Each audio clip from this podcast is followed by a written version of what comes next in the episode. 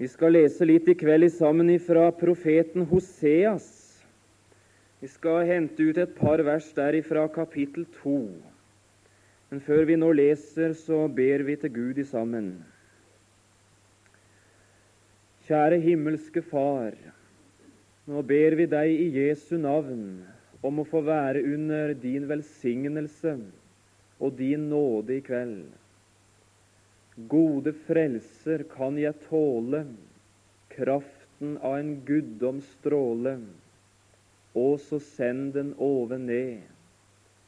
Hjelp meg at jeg må, jeg arme, full av ånd og hellig varme, skue all din kjærlighet, og la aldri noensinne korsets tre meg gå av minne, som deg frelsens fyrste bar.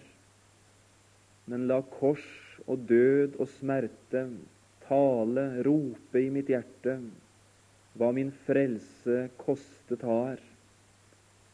Kjære Hellig Ånd, vil du kaste glans over Jesus for oss?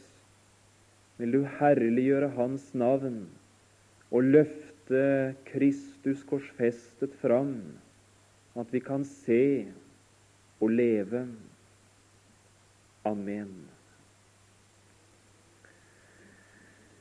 Og Vi leser da ifra profeten Hoseas, ifra kapittel 2 og vers 14 og 15 i Jesu navn.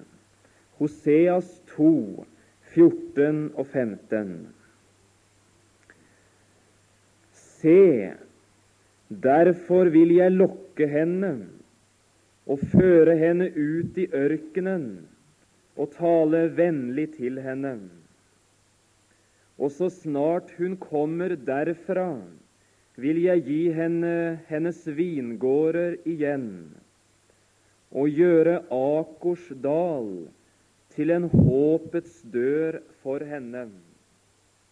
Og hun skal takke der som i sin ungdoms dager, som den gang da hun dro opp fra Egyptens land. Og det var særlig denne ene setningen å gjøre Akers dal til en håpets dør for henne. Amen. Ja, ja, predikant, i kveld bommer du fælt innlede onsdagskvelden på vintermøtene med et sånt ord. Akkurat som ikke predikanter og forkynnere og evangelister har kontaktvansker nok i dag som de har. Om du ikke i tillegg skal ta fram et sånt ord, 3000 år gammelt, talt av en mann som heter Hoseas, til et folk under helt andre vilkår enn oss. Det er av moderne mennesker du skal preke til predikant. Du kunne da vel i alle fall tatt fram noe sentralt som folk kjenner seg hjemme i. Hva kan nå det ha å si oss, det du har lest i kveld?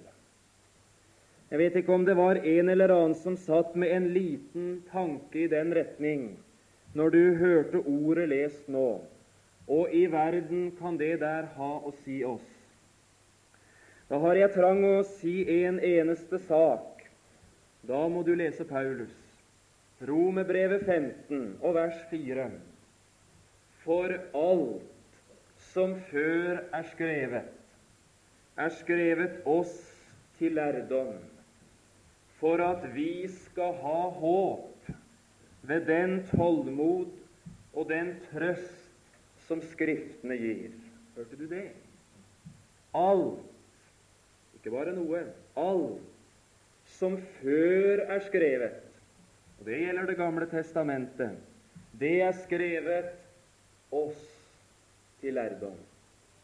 For at du og jeg, moderne mennesker i 1981, skal ha håp og tålmod og trøst, slik det gis oss i Skriften, og hvor vi trenger det i vår tid håp i håpløsheten, trøst i en verden som er trøstesløs, tålmod i en verden som er i ferd med å bukke under. Her er veien, sier Skriften.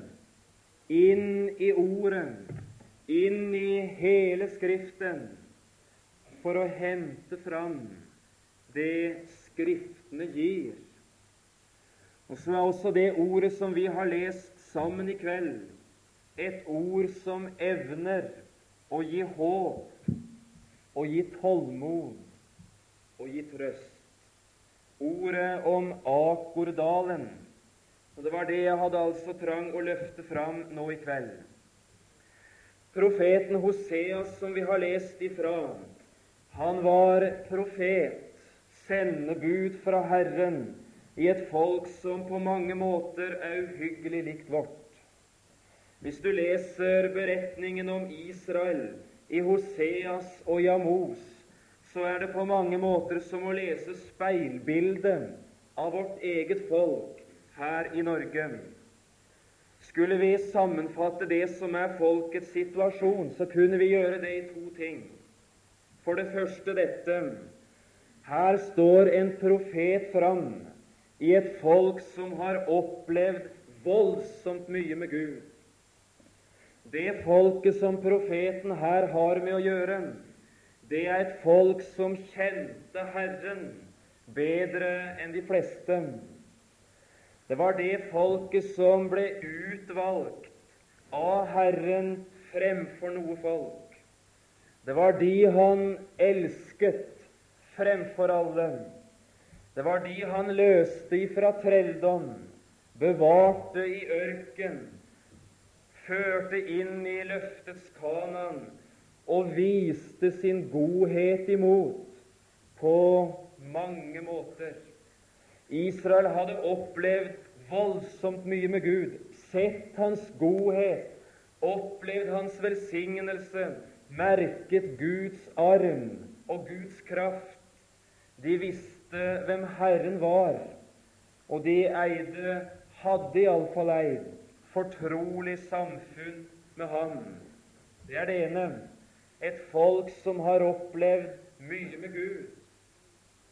Og det andre dette et folk som ofte falt ifra den høye tind, som ofte falt fra den levende Gud, i åndelig utroskap.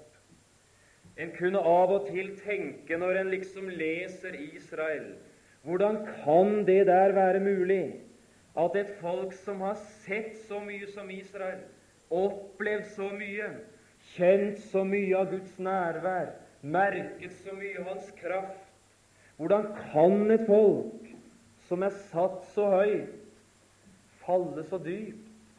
Hvordan kunne Israel igjen og igjen falle fra? Det er nesten så en kan forundre seg.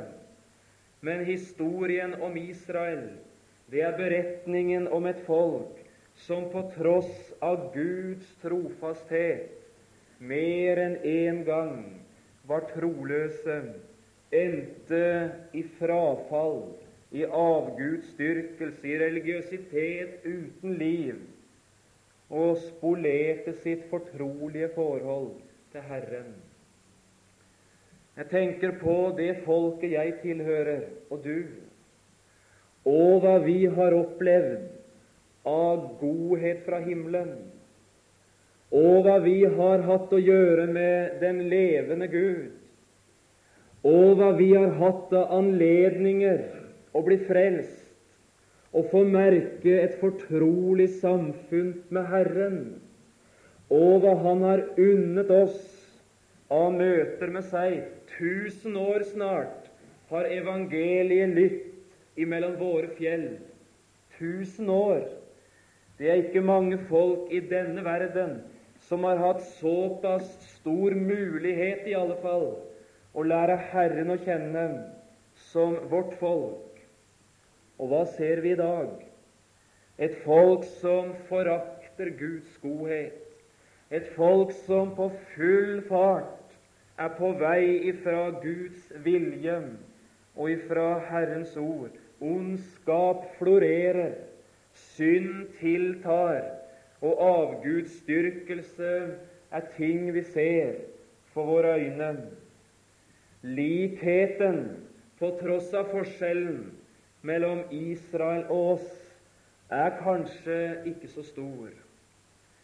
Og så får altså denne profeten vi har lest ifra i kveld, kallet ifra Herren. Du, Hoseas, du skal være profet. Du skal være talerør inn i dette velsignede, men frafalne folk. Du skal bære mitt ord til mennesket. Og du som kjenner noe til Hoseas-boka, du veit det var et uhyggelig tungt kall denne profeten fikk. Gud griper liksom direkte inn i livet, og så lyder det Hoseas, du skal gå og finne deg ei horkvinne, og så skal dere få horbarn. Og dette skal være en preken for mitt folk Israel like som denne kvinne er troløs mot meg, slik har mitt folk, sier Herren, vært troløse imot meg. Og så får Hoseas ikke bare beskjed om å bruke sin munn i Herrens tjeneste, men han settes liksom inn i tjenesten med hele sitt liv. Og så er hele hans liv en preken til Israel hva Herren har å si til et frafallent folk. Og Det er i grunnen akkurat de tonene som også ordet vårt i kveld er fylt av. La oss enkelt stille det spørsmålet hva har i grunn Herren å si til et folk som har opplevd Guds godhet, men har falt så dypt? Hva ligger på Guds hjerte å liksom løfte fram? Hva brenner i Guds hjerte å få tale til det folk som Han har utvalgt, og som Han elsker? Leser du boka her, så finner du to toner som klinger parallelt. Du finner alvorstonen. Du finner den dype alvorstonen der den levende Gud liksom henter sitt folk inn i alvoren, ut av lettsindigheten, ut av dette lettvinne, inn i alvoret. Vi møter alvorstonen. Og du kan gjerne lese kapittel 1 når du kommer hjem i kveld. Lese hvorledes barna som Hoseas og denne kvinna får, er prekener Hoseas bærer fram til det frafalne folk. De fikk en sønn. Kall ham Israel, Gud sår. Og så står Hoseas fram med dette. Herren sår. Han skal så dommens og vredens straff utover sitt folk. Og fikk de en datter, Lo Ruhama, ikke i nåde, uten miskunn. Jo da, ofringene pågikk, gudstjenesten holdt for så vidt ved, men det var tom gudsdyrkelse. Og Hosea står fram. Dere er uten miskunn og uten nåde og endelig en sønn. Kall ham Lo Ammi, ikke mitt folk. Og så står Hoseas fram med det tyngste av alt, til Abrahams, Isaks og Jakobs ett, så lyder dette Du er ikke lenger mitt folk, sier Herren alvorstonen for å vekke. Og sammen med denne alvorstonen så klinger frelsestonen. Så klinger dette lokkende, der en Gud hvis hjerte brenner i kjærlighet, ikke kan se sitt utvalgte folk fare mot avgrunn, fare mot død, fare mot undergang. Og så kan den samme Hoseas, som refser sitt folk, stå fram med toner som nesten er strake motsetningen. Se kapittel 11, vers 8. Hvorledes skal jeg kunne gi deg opp, Efraim? Gi deg til pris, Israel. Mitt hjerte vender seg i meg, all min medynk våkner. Og så ser vi like inn i en Guds hjerte som samtidig med harme over synd brenner i sin kjærlighet. Om jeg kunne finne mitt frafalne barn tilbake. Om jeg kunne få mitt bortkomne barn i talen, tale alvorstonen om synden, men også lokketonen inn i frelsen, inn i fornyelsen, inn i nåden, inn i velsignelsen. Jeg møter alvorstonen, og jeg møter den lokkende frelsestonen. Når jeg bruker såpass mye tid på det som jeg nevnte nå, så er det ganske enkelt fordi jeg hadde trang å si én ting nå. Det er noe vi trenger i vår tid, sterkere enn vi har gjort det på lenge. Det er den guddommelige kombinasjon av et himmelsk alvor og et himmelsk kall.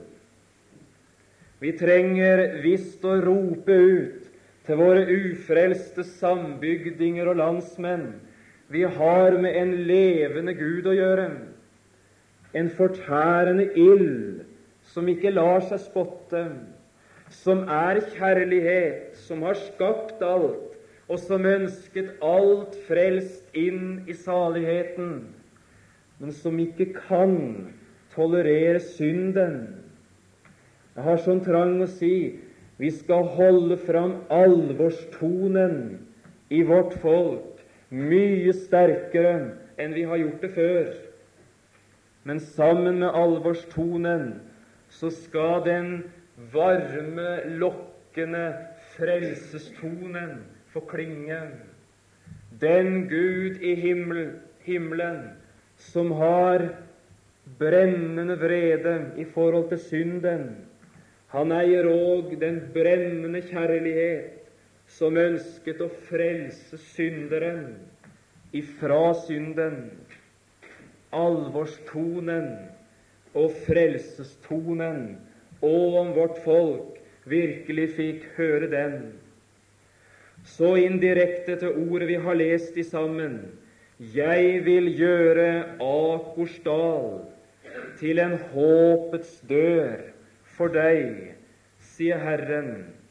Og så hadde jeg trang å forsøke så langt jeg evner å ta hver enkelt med inn i denne Akorsdal. Det er gjerne mange av dere som har vært i den dalen før, og ganske sikkert også noen som ikke har vært der. Og skal vi la ordet være lykte, ordet være veiviser, og så skal vi bevege oss inn i en dal som Skriften åpner for oss, der budskapet fra Herren klinger så sterkt. Hva taler Herren om i Akorsdal? Hva har Han å si til deg og meg i denne dalen? Vi beveger oss inn i Akorsdal, og et stykke inn i denne dalen så er det som vi på en måte nesten stanses opp. Det reiser seg noe foran oss et stykke fremme, noe som ligner ei mørk, svart steinrøys. Det løfter seg noe ned i dalen som nesten fyller oss med noe uhyggelig. Vi ser ei steinrøys, mørk og truende, og er ved det første stedet i Akorsdal, der ordet fra Herren lyder. Hva taler steinrøysa i Akorsdal om? Den taler om dette som jeg òg allerede har nevnt. Herren er en hellig Gud. Herren vredes over synden og straffer synderen. Steinrøysa i Akorsdal, den er nesten glemt i dag. Og vi trenger å lede folket vårt inn til møte med Steinrøysa i Akorsdal. Ja, hva er det for noe med denne steinrøysa predikant som preker om det du nå sier? Den har ligget der i mange hundre år, og den har ligget der ganske uberørt. For flere hundre år siden reistes den steinrøysa i Akorsdal på en av de mørkeste dager i Israels liv og historie. Du finner beretningen om Akorsdal i Josva 7. Du som er kjent i Josva, du vet at kapittel 6 i denne boka, det er beretningen om Jeriko, hvorledes Josva og Israel inntar denne byen på Herrens vilje og i Herrens navn. Og så møter vi ved inngangen til Josva 7 et folk nesten i seiersrus, som har opplevd at mur etter mur har falt, hindring etter hindring er rydda av veien. Herren har innfridd sine løfter, og de har merket Hans trofasthet. Han har gått foran, han har sluttet deres tog. De er Herrens folk og er et seirende folk.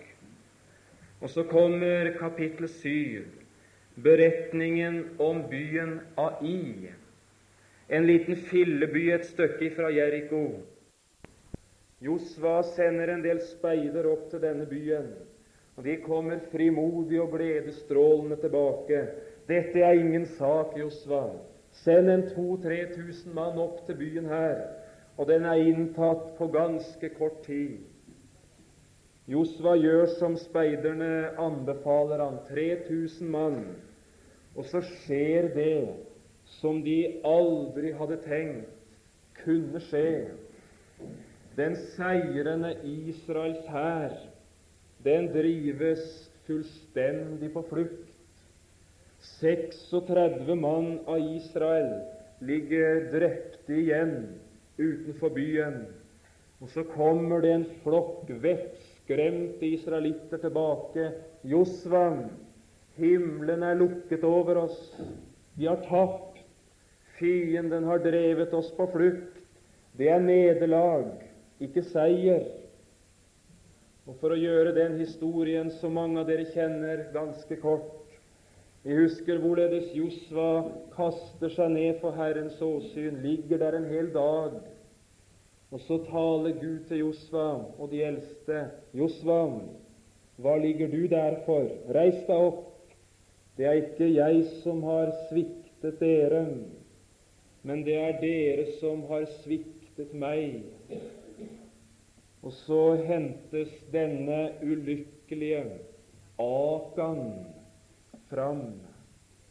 Ved inngangen til Jeriko hadde Gud sagt alt gull og sølv og edelt metall, det skal bæres inn i helligdommen. Dette er helliget meg. Og dere må ikke røre noe av det i denne byen som dere finner. Dette er bannlyst gods. Og den dag dere tar av det bannlyste gods, kommer dere selv under forbannelse. Så hentes Akan fram, én mann i et helt folk. Og så taler Josva til Akan. Hva har du gjort, Akan? Tal og dølg intet for meg. Og så taler Akan. Jeg så noe gull og noe sølv og en kostelig babylonsk klesdrakt. Dette tok jeg og har gravd det ned under mitt telt i mørket, tålte selvsagt ikke lyset. Og så hentes dette bannlyste gods, og Akan, synderen, han føres ut ifra Israels leir og ned i en dal. Og så steines både Akan og alt som hører han til. Og så reiser det seg ei steinrøys i Akors mørke dal, reist over en som hadde syndet imot Herren, begått en synd som endog ikke Moseloven hadde noe offer for. Bannlyst gods. Og så taler altså steinrøysa til oss om en mann som falt i den levende Guds hender. Det er én ting som er smertelig ved å være forkynner. Og det er én ting som nesten er av en sånn karakter at en ikke makter å bære det fram over en prekestol. Det er dette. Det folk som vi tilhører, naboer som ikke kjenner Herren, sambygdinger som ikke er frelst, de er på vei inn i Akorsdal. De er i ferd med å hentes til rette stedet. Å være ufrelst i 1981 det er å stå i fare for å møte en levende, hellig Gud uten noe løsning på sitt syndeproblem. Jeg vet ikke om du skulle sitte i forsamlingen min i kveld som er ufrelst. Jeg vet ikke riktig hva jeg skal si til deg, men jeg sier dette. Jeg forstår ikke hvordan du våger år etter år å liksom leke med Gud. Du vet du skal møte Han. Du vet det kommer en regnskapsdag. Du vet du fikk et liv. Du fikk mange anledninger, og du vet du skal svare for det alt. Og så spekulerer du i Guds barmhjertighet og sier jo da, omvende deg, det skal du. Bli en kristen, det er klart du skal det, men bare ikke nå. Og så skyver du det aller viktigste alt foran deg og står i fare for å havne under steinrøysa i Akorsdal, åndelig talt. Jeg har sånn trang å si du som ikke hører Herren til, der kommer en regnskapsdag. Der kommer en dag du skal møte Gud. Der kommer en dag da mange kommer til å skulle rope til fjellene endog, om de kan falle over en. Skjul oss for lammets vrede. Det er noe som vi ikke synes å se lenger i den grad som vi så det før. Vet du hva det er? Det er gammeldags syndenød. Nå reiser jeg nokså mye i ungdomssammenheng på min kant av landet, og det er uhyggelig mangelvare. synserkjennelse og syndenød. Jesus er liksom svaret på meningsløsheten. Han er svaret på tomheten. Han er svaret og løsningen for å finne gleden og freden og, og alt det der. Han er billetten for evigheten og noe å dø på, liksom. Han skal fylle disse behova, og han kan fylle de liksom bedre enn andre. På en måte er det jo både riktig og greit. Og allikevel svaret på selve problemet. Hvordan skal jeg, som er en fortapt synder, hvordan skal jeg kunne møte Gud og bestå? Det er liksom så lite aktuelt. Så er syndenøden lite å se, og frelsesfryden så tam. Steinrøysa i Akorsdal taler om en Gud som ikke lar seg spotte. Som et menneskesår skal han òg høste. Skulle vi minne hverandre om det i kveld, hva enten vi bærer Herrens navn eller vi ikke gjør det. Steinrøysa i Akorsdal taler om en Gud som i går og i dag er den samme, hellig og ukrenkelig. Vi går noe nærmere denne steinrøysa, og som vi nærmer oss steinrøysa, så får vi se noe planta midt i dette mørke, nesten uhyggelige. Steinrøysa i Akorsdal, midt i denne steinrøysa, er planta et kors. Hva er dette for noe? Et kors i Akorsdal. Steinrøysa lå der i mange hundre år, urørt, skremmende og mørk. Sola brøt liksom aldri igjennom i Akorsdal. Men en dag ble det mørkere i denne dalen enn det noen gang hadde vært. Endog sola ble formørket. Fuglene slutta å synge. Stillhet, kaldt, ingen fuglesang, nesten gudsforlatt. I stillheten denne dagen så lyder der et fortvilt rop i angst. Min Gud, min Gud, hvorfor har du forlatt meg? Og så trekker der mørke, truende skyer sammen over Akorsdal, og idet et lyn spjerrer himmelen og slår ned, så lyder der tre ord. Det er fullbrakt. Og så er en ny mann ført inn i Akorsdal, i ulykkens dal. Hva er dette for noe folk? Det er Hoseas løfte som er i ferd med å innfris av Herren.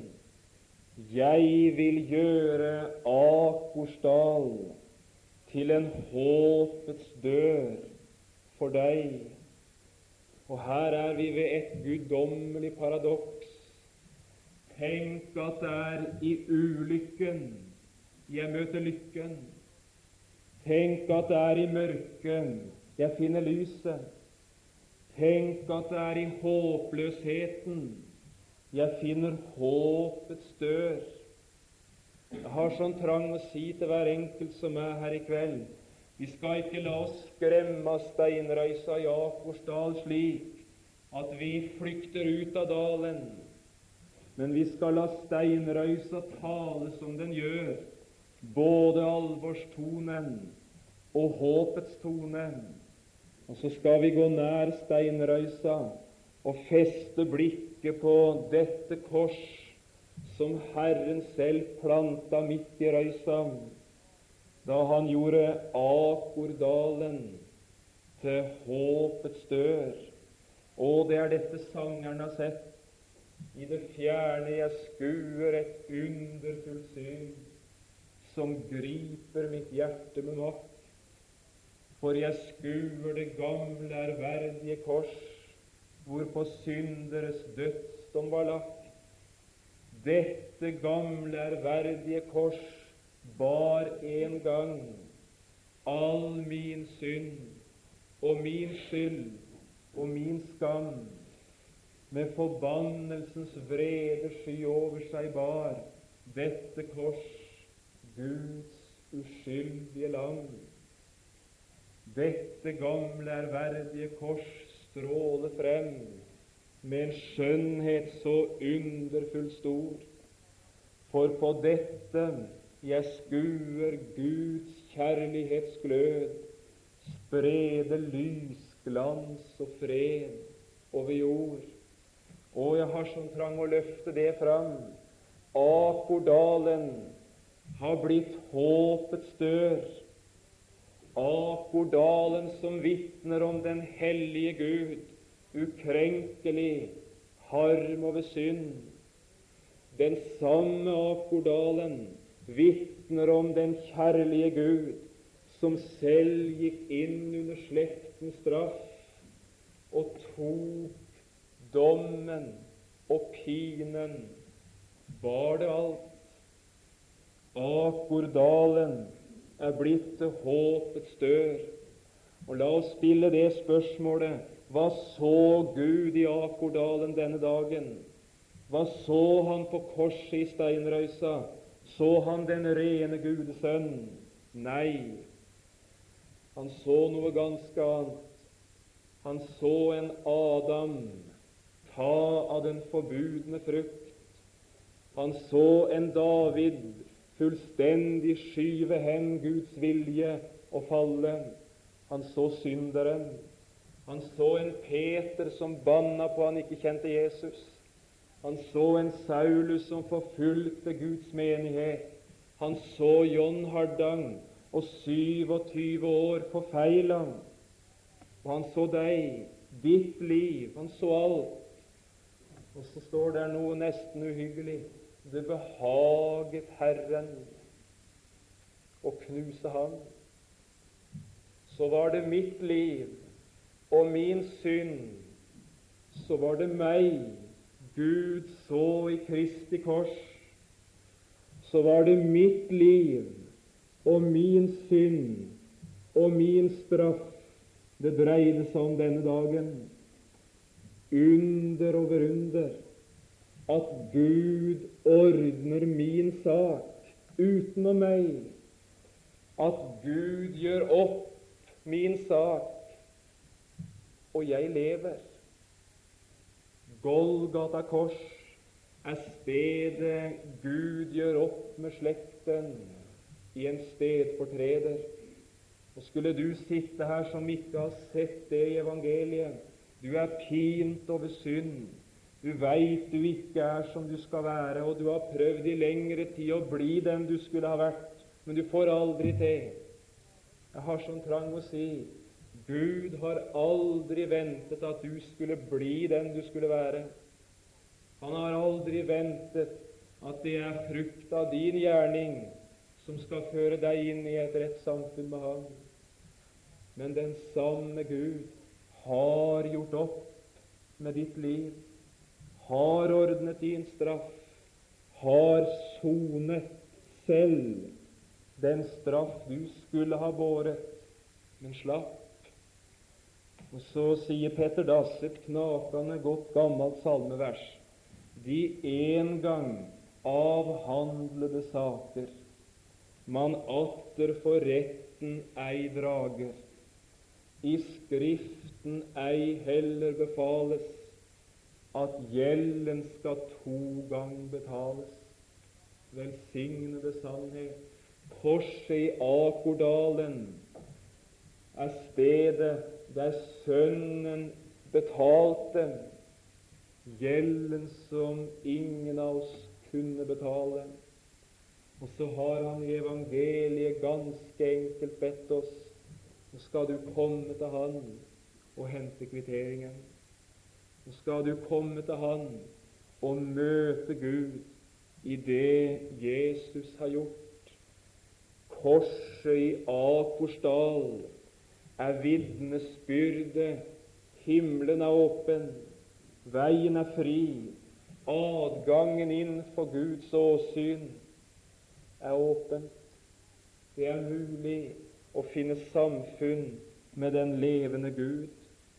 Den dagen i Akordalen, da solen ble formørket, var den siste dag i Akordalen, da der hvilte noe slikt mørke over røysa.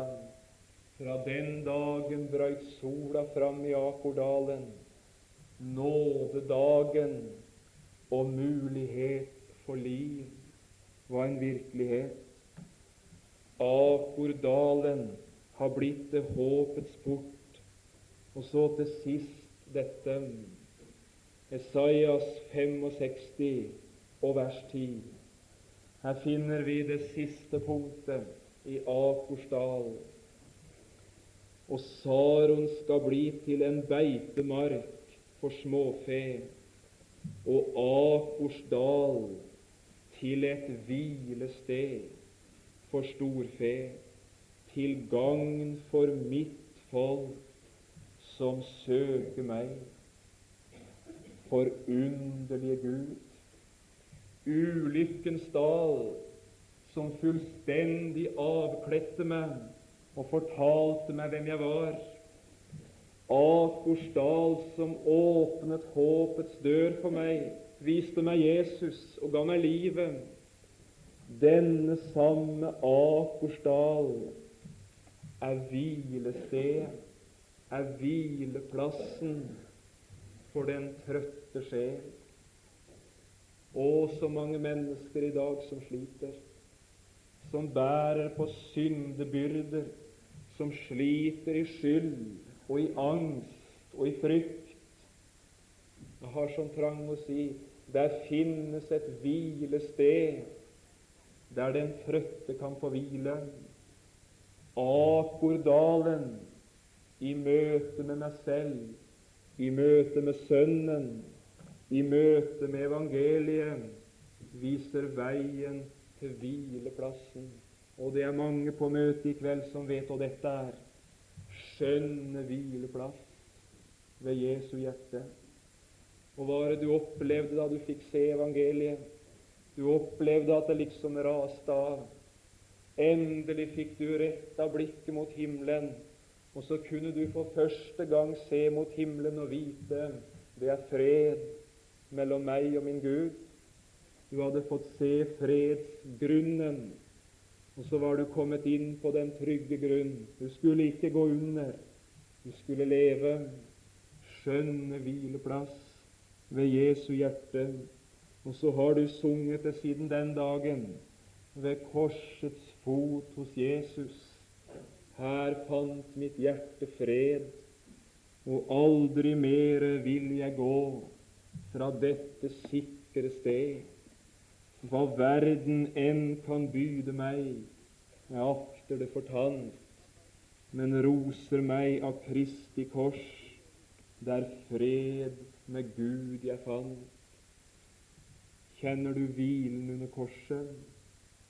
Eier du hvilen i Jesus? har evangelieordet fått formidle det inn i ditt liv. Du hviler i det Jesus har gjort. Jeg er døren, den som går inn gjennom meg, han blir frelst. Og så slutter jeg med dette der. Esaias 63, 14.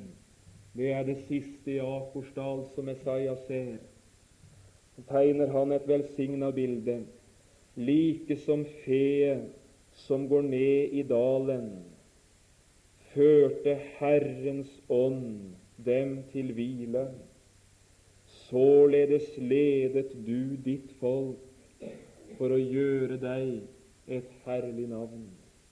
Og Så ser vi bildet av buskapen på vei ned i dalen, ned til elva, og så ånder det hele av fred og av trygghet. Her er det harmoni, her er det liv, her er det godt. Som når en buskap går ned i dalen.